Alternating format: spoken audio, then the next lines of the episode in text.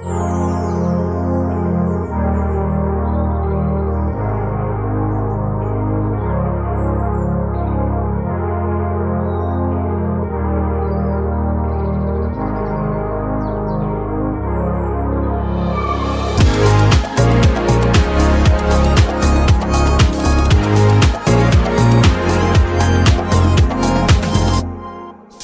en uke vi har vært gjennom, Tove.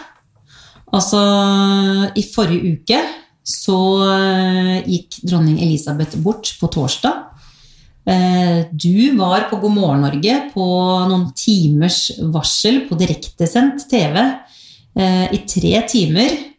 Du dro til London på en av de første flightene som var mulig å komme seg til London tidlig neste morgen. Eh, Du har eh, opplevd eh, London på nært hold. Nå har vi akkurat sett begravelsen til dronning Elisabeth. Jeg har vært opptatt med Gullfjern. Du var på Gullfjern direkte fra London. Eh, Det er lov å si at vi to sitter litt slitne her i studio akkurat nå. Men jeg er utrolig nysgjerrig, for vi har ikke fått tid til å snakke sammen, Tove. Vi har ikke det. Så, så det jeg liksom, eh, har lyst til å spørre deg om, det er eh, hvordan har den siste tiden vært for deg, og hvordan var det å komme til London? Ja, altså, eh, jeg regner med at de fleste som hører på, egentlig kanskje har fått litt eh, britisk eh, kongelig overdose de siste 14 dagene. Eh, men vi kan jo ikke ha en podkastserie uten en episode med, med dronning Elisabeth, fordi hun er jo den siste kongelige i sitt slag. eh, Og det britiske samveldet, og det er stort, det ikke, det kommer aldri til å bli det samme uten henne. Eh, For familien er det selvsagt trist, for de som jobbet for henne så er det trist, og for det britiske folket er det trist. Eh, For hun har jo på en måte stått stødig, hun har vært en klippe, eh, og Storbritannia er vel kanskje det landet det er i dag, takket være henne og 70 år lang tro tjeneste. Eh, og eh, min opplevelse er jo at britene ser på henne, klarer å identifisere seg med henne som en mor og bestemor. Og det er kanskje litt rart, fordi avstanden er jo mellom eh, kongelige og det vanlige folket er jo eh, stor, men, men allikevel så er det en nær relasjon der, og de, de, de fleste briter har jo ikke opplevd en verden uten eh, dronning Elisabeth. Og det er jo ikke bare det at hun er borte, men nå har de forandret nasjonalsang, frimerkene blir nye, penge, eh, altså pundet får en konge på seg, ikke en dronning som alltid før. Eh, Det er mange forandringer eh, når det er et generasjonsskifte i et monarki. Så det å en ting er jo flott å være på God morgen Norge og, og snakke om det. Det, kjempe, det er jo kjempeinteressant å, å få lov til å fortelle om det. Men det er klart det å sette seg på et fly og reise til London og ha førstehånds eh, av eh, stemningen, det var jo superinteressant. Det måtte jeg jo gjøre. Eh, og da opplevde jeg jo også Jeg opplevde mange ting. Det ene er jo medias dekning av det. Eh, som vi også snakket om tidligere, er jo hvordan media og tabloidavisene hauser opp alt som egentlig skjer nå. At alt blir satt på spissen. Eh, det var også min første opplevelse når jeg kom til London også. var jo at eh, I utgangspunktet så var det mange mennesker rundt Buckingham Palace og rundt de andre kongelige slottene, men ellers så var det business as usual. Eh, det var eh, litt sånn som dronningens eget utsagn 'keep calm and carry on'. Mm. Og det tenker jeg er en sånn veldig fin eh, saying å ha med seg i sitt eget liv også. Hold roen, og livet går videre. eh, uansett, eh, selv etter 70 år på tronen, så går livet videre. Og britene, de eh, sørget åpenlyst. Kom med blomster, stimlet sammen i folkemengder. Flaggene var ute på halv stang, det var kondolanseprotokoller i, på ethvert kjøpesenter. eh, Og alt som kan krype og gå som har en historie om dronning Elisabeth, fikk TV-tid på britiske medier. Eh, Men det er klart det var spesielt å, å se Vi så jo bilen eh, som kom inn til London fra, fra Skottland, eh, eller fra Heathrow, eh, som var Det, var en, det hadde vært 25 grader i noen dager. Eh, knall sol. Eh, helt nydelig, som London sjelden har vært. Eh, den dagen hun kom inn i, i byen, så kom regnværet over byen, eh, sånn som vi kjenner London. Grått og vått. Eh, og så kommer den bilen sakte kjørende i gatene rett utenfor Buckingham Palace. Den er opplyst, mm. er opphøyet, så man, alle som sto der, vi så kista som lå der, og visste jo at hun lå der. Mm. Uh, og det var veldig spesielt å stå ved siden av voksne menn som faktisk gråt. Mm. Og da skjønner man kanskje hvor mye det betyr for et land å ha et symbol mm. uh, å se opp til. Vi kan være monarkister eller republikanere. I den situasjonen så tror jeg ikke det har noe å si, for det er en leder. Det er en kvinne, eh, kvinneskikkelse som har stått der i stødig og trofast i 70 år. Og det var ganske sterkt, altså. Ja, og det, det du sier der, Tove, det, det, forstår jeg veldig godt. Og jeg tror jo faktisk også at eh, For vi har jo faktisk blitt påvirket eh, selv her i Norge. Vi har jo liksom sterk eh, relasjon mm. til England og Storbritannia, og jeg tror mange av oss følte litt på det samme. At det var liksom en liten Ja, et forbilde på noe vis som, som, gikk bort. Og det får meg til å tenke litt på du som kan veldig mye om eh, det britiske kongehuset. Kan ikke du fortelle litt hvem var dronning Elisabeth? Eh, ja. Eh, det jeg syns er veldig interessant å, å snakke, eller å, starte med, er jo egentlig å fortelle at hun var jo ikke Hun skulle jo ikke bli dronning. Altså Hun var en helt vanlig Det var hun ikke, for det er helt feil å si. Eh, hun var jo Og Det var jo onkelen hennes som, som, ble, som skulle være dronning, nei, konge. Og hun skulle jo egentlig bare leve et, et et ja, privilegert liv uh, i London uh, og kunne reise ut på landet som en sosietetskvinne, egentlig. Uh, og så skjedde jo abdik abdikasjonen, og faren hennes ble konge, og hun ble plutselig i en posisjon hvor hun var arveprinsesse. Det tror jeg endret jo hele familien hennes. Hun hadde gått på privatskole, hun var jo tross alt hun hadde lært religion av selveste erkebiskopen, så, hun var jo privilegert. Men hun tok rollen sin veldig tydelig, og ble jo altså dronning allerede som 5-26 år gammel jente, egentlig. Mm. Da var hun nygift, hun var forelska i verdens kjekkeste playboy, prins Philip. Eh, de hadde jo fått barn. Eh, de skulle egentlig leve et deilig kronprinsliv på Malta, egentlig. Eh, og hadde noen fine år der. Og så ble hun plutselig dronning. Og eh, du kan jo bare tenke deg, Dette var jo etterkrigstiden. Det var eh, menn i alle posisjoner. Det var mm, Statsministeren var, Vi var, er tilbake til Winston Churchill. Eh, eh og eh, likevel så nådde hun ut til publikum på en helt unik måte. Og hun hadde litt flaks. Mm. Fordi at eh, det var jo eh, den, En av de første direktesendte TV-sendingene var jo hennes eh, kroning. Mm. Og da kom hun jo direkte ut til, folk, til folket. Ja. Til hvem som helst. Mm. Ikke bare de inviterte i, i, Westminster Abbey, men til selve folket. Og det gjorde jo eh, at hun fikk en, en helt annen standing enn de tidligere eh, konger og dronninger mm. i Storbritannia. Hun ble kanskje Jeg vil ikke dra så langt siden hun ble folkelig, men hun ble i hvert fall eh, en del av folket. Mm. Og så er det jo morsomt å tenke på at hun har jo regjert gjennom 15 statsministre. Det er bare tre av dem som var kvinner. Ja. Eh, og, eh, og, hun har hatt faste møter med statsministeren hver eneste onsdag. Eh, så lenge både hun og statsministeren var i London. Ja. Og eh, Winston Churchill var jo som sagt hennes første statsminister. Han var kanskje nesten som en sånn bestefarskikkelse for henne. og noen sier jo at han var forelsket i henne. Det er kanskje ikke så rart, hun var jo veldig flott. Og det han gjorde, var at han snakket med henne. Eh, men det er klart at jeg tenker jo at de, hun har nok hatt noen utfordringer med menn i posisjoner mm. som gjerne har vært eh, som har hatt problemer med å diskutere politikk med en kvinne, f.eks. Og dette var jo en sterk dame som hadde meninger og stilte spørsmål. Og jeg tror hun har påvirket også gjennom spørsmålene sine. Så kanskje hun egentlig hadde en sånn indirekte politisk uh, rolle også. Mm. Uh, også uh, Hun hadde jo et anstrengt forhold til Margaret Thatcher. Um, og eh, fordi at altså Margaret Thatcher var jo mer kongelig enn dronningen selv. Hun var stiv og hadde ikke noe humor. Dronningen hadde masse humor. Og Teresa May var den andre kvinnelige statsministeren. Jeg, jeg, syns det er så gøy med, det, med at det er bare tre kvinnelige statsministre.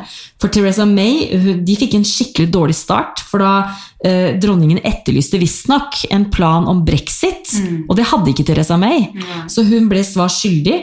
Eh, og følte seg kanskje litt dum. Eh, og eh, Liz Truss rakk jo ikke noe lange samtaler med dronningen. Det eneste hun rakk, var jo de ikoniske bildene som vi så fra Balmoral en av de siste dagene før eh, dronningen døde. Hun rakk akkurat å bli innsatt. Ja, for det er jo litt det vi snakket om også under begravelsen. At eh, hun var jo en, eh, en veldig godt voksen eh, kvinne. Og det er klart at det å kunne være yrkesaktiv inntil to dager før sin død, det er jo, det er jo helt enestående, egentlig. Og det tenker jeg jo bringer oss jo litt over til kong Charles 3. Ja. Fordi jeg tenker jo Dronningen var 96 år. Det er en respektabel alder, og, og det viser jo eh, hvordan folk hyller henne også, at de har satt pris på henne. Men eh, Charles er jo 74 han nå, da. Ja. og har, har han venta på denne jobben hele livet. Og endelig skal han, eh, har han modnet eh, gjennom ventetiden og er konge. Og jeg, eh, nå har jeg lest så mange artikler og kronikker eh, i Storbritannia, og jeg opplever at i motsetning til tidligere, så ser folk nå på han som en klokere, eh, intelligent og en mer erfaren mann. Eh, og at han de, de britene som er mine venner, har sagt at eh, de tror han vil ta jobben med kløkt, og det ser vi jo at han har gjort i de talene som han har holdt, og måten han har på en måte eh, arbeidet nå i disse 14 dagene. Og jeg må jo si jeg syns synd på hele mannen, for herre min, for en For innsats og Ja. press. Ja. Og dette er jo bare starten, for nå kommer jo kroningen og, og, og alt det som hører med. Og da må jeg, og jeg vet at vi har snakket om det før, Marianne, men jeg har jo møtt Charles Ja, det har du. Og Camilla. Ja, Og og, jeg- det er jo utrolig interessant, for det blir jo faktisk, og det visste vi jo ikke 100 men, men det blir jo dronning, eh, dronningtittel. Og Ja. det er jo helt uh, Ja. utrolig. Men det virker jo som hun virkelig har fått sin plass eh, i det britiske eller, Hos britene, da. Definitivt. Og så gikk jo uh, dronning Elisabeth ut tidligere i, i år og, og, og sa at Camilla Hun ønsket at Camilla skulle bli dronning. Eh, nå blir hun ikke regjerende dronning, men hun er jo da dronning, altså dronning i, fordi hun er gift med kongen.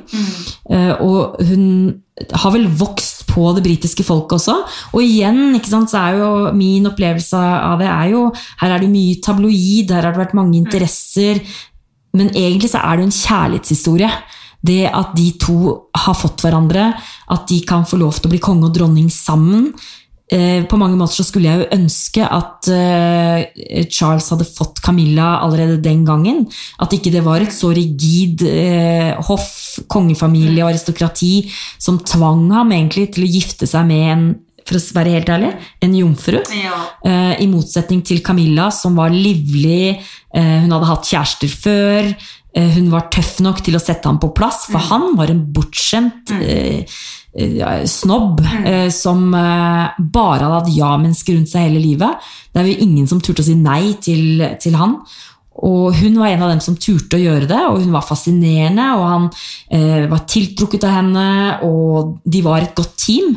Og så fikk de ikke lov til å gifte seg. Det er jo egentlig utrolig trist. Og da tenker jeg det er fint for han å ha henne ved sin side nå. Og det så jeg veldig godt når jeg var i London. Hvordan hun har tilpassa seg den rollen eh, i kongefamilien på en helt utmerket måte. Hun lar han få lov til å være konge. Hun lar han få oppmerksomheten. Hun går to-tre skritt bak. Eh, hun, eh, hun er så trygg i sin egen rolle at hun tåler at han får oppmerksomheten. Eh, og det syns jeg han fortjener òg. Han er kongen. Mm. og hun er trygg nok, og hun oppmuntrer han, og hun trygger han. Og er på en måte en medspiller i det teamworket som de driver nå. Og det er jo ganske fint å ha en sånn dame ved sin side, er det ikke det? Jeg tror det blir veldig bra, ja. Eh, og det er bare kort tid siden begravelsen, men sånn på avslutningsvis eh, Hvordan vil du oppsummere den eh, begivenheten, for å kalle det det?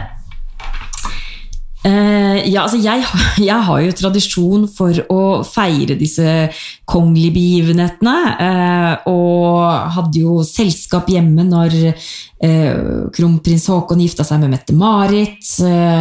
Og når Märtha gifta seg med Ari, så hadde vi brudekake og alt hjemme. Så jeg eh, inviterte jo til, til selskap nå også, vi, for det er så hyggelig å kunne se i fellesskap. Se på det, for det er jo en, histo- det er jo, det er jo en Historisk, begivenhet. begivenhet. Og for oss som ikke er nær familie eller jobber tett på de, så har vi jo ikke den sorgen som det de har. Men det å se på pump og prakt, og det er jo ingen som kan det bedre enn britene, med eh, uniformer og sko som er pussa, og unge gutter og jenter som har strøket og presset uniformer, og det er hele London-trafikken er stengt, eh, og hele eh, verdens er i London. Eh, fra statsministre til presidenter og kongelige er samlet i, i kirken og i, i bygatene. Eh, det er det er ikke alle som kan klare å, å, å, å gjennomføre det, og det klarte de jo til glans. Og det er jo fantastisk sjarmerende å se hvordan de er opptatt av seremoniene sine, opptatt av eh, at verden går videre, og at det er jo det som er hele, monarkiets rolle, er jo det å, at noe er bestandig. At eh, det er det samme som gjentar seg gang på gang når noen gifter seg, noen dør. altså Disse seremoniene er fine. Og det å se eh, Charles gå bak kista sammen med sin dronning, se at eh, ba, altså de søsknene går sammen, mm, barna, eller barnebarna og oldebarna, og at de lot oldebarna på ni og syv gå der. Jeg synes det er veldig Det gir håp for på en måte verden. og og så kan man jo diskutere om monarki eller ikke monarki. At eh, et, et generasjonsskifte er jo det vanskeligste for et monarki. Og det er klart det, det åpner for diskusjoner om endringer eh, i samveldet, selvfølgelig. Og både Canada og New Zealand og Australia har jo annonsert at de vil revurdere styreformen. Eh, og det kan jo gjøre noe med hele imperiet. Men det er kanskje tid for modernisering òg. Ny, ny konge, eh, nye kluter til, nytt hoff, nye Kanskje et litt mindre monarki eller kongefamilie som er, eh, jobber. Men det er jo spennende å se på hva de har på seg, og hatter og slør og ikke-slør, og høye sko og lave sko. Altså, det er jo hele, hele kongehuset er jo glitter og glam og sirkus, er det ikke det? er jo Jo, jeg syns det var utrolig flott å se. Jeg ble skikkelig rørt. Så jeg satt, og jeg syns også det var veldig koselig at eh, London også mm, på begravelsen viste seg fra sitt beste sånn værmessig. Da. Så hele timingen og alt kunne jo egentlig ikke vært bedre, tenker jeg. Syns det var et verdig og fint eh, farvel. Og da er jo jeg litt spent, Marianne. fordi at eh, de store begivenhetene eh, Det er jo ikke noe tvil om at de store influenserne våre er jo konger og dronninger gjennom tidene. Det har vi jo sett. Og hvordan kan dette også påvirke selve liksom, trendbildet vårt? Ja, du, jeg, jeg husker fra jeg var tenåring, eh, det å komme til London, altså det var jo som å komme i en drømmeverden. Eh, Det var jo der man kunne få kjøpt alle de kule tingene som vi faktisk den gangen ikke hadde engang, her i Oslo. Eh, Og så har dette kanskje Det har endret seg veldig, men allikevel så er eh, Storbritannia ekstremt mektig. Ikke sant? Det er der eh, mange av de største designerne sitter. Og med dette som skjer nå, så blir vi påvirket. Og jeg sitter jo og undrer når jeg ser på begravelsen og ser på mønstrene, ser på arkitekturen i kirken, eh, flotte Westminster Abbey, eh, og tenker jo hvordan vil dette påvirke oss? For det vil det jo. Og jeg føler meg ganske trygg eh, når jeg sier at eh, vi vil se store, tunge stoffer. Vi har begynt med gardiner nå. Vi vil se masse gardiner, kanskje til og med gardiner som har litt mer draperinger og er litt mer volumiøse. Eh, vi kommer til å se tapeter. Vi kommer til å få et stort, stort eh, marked for eh, tapet, som jo er kjempespennende. Jeg tror vi er litt ferdig, for vi har vært i en lang periode nå hvor vi har hatt mye velur. Så jeg tror kanskje det, ikke det er det vi vil se mest av, men vi vil nok se, vi vil se farger. Ganske kraftige farger. Og jeg vil jo også tenke at Eh, litt tilbake til eh, det som har skjedd i Oslo nå med Somro og Art Deco, så tror jeg vi får se en sånn salig blanding eh, også med Art Deco som kommer inn, med mye mønster, litt spreke farger. Så jeg tror, folkens, at neste høst blir ekstremt spennende. Det er jo ingenting som er bedre enn det. Mer britisk innflytelse og flere muligheter til å reise til byen jeg elsker veldig. Setter veldig høyt. Og jeg blir veldig inspirert av å være i.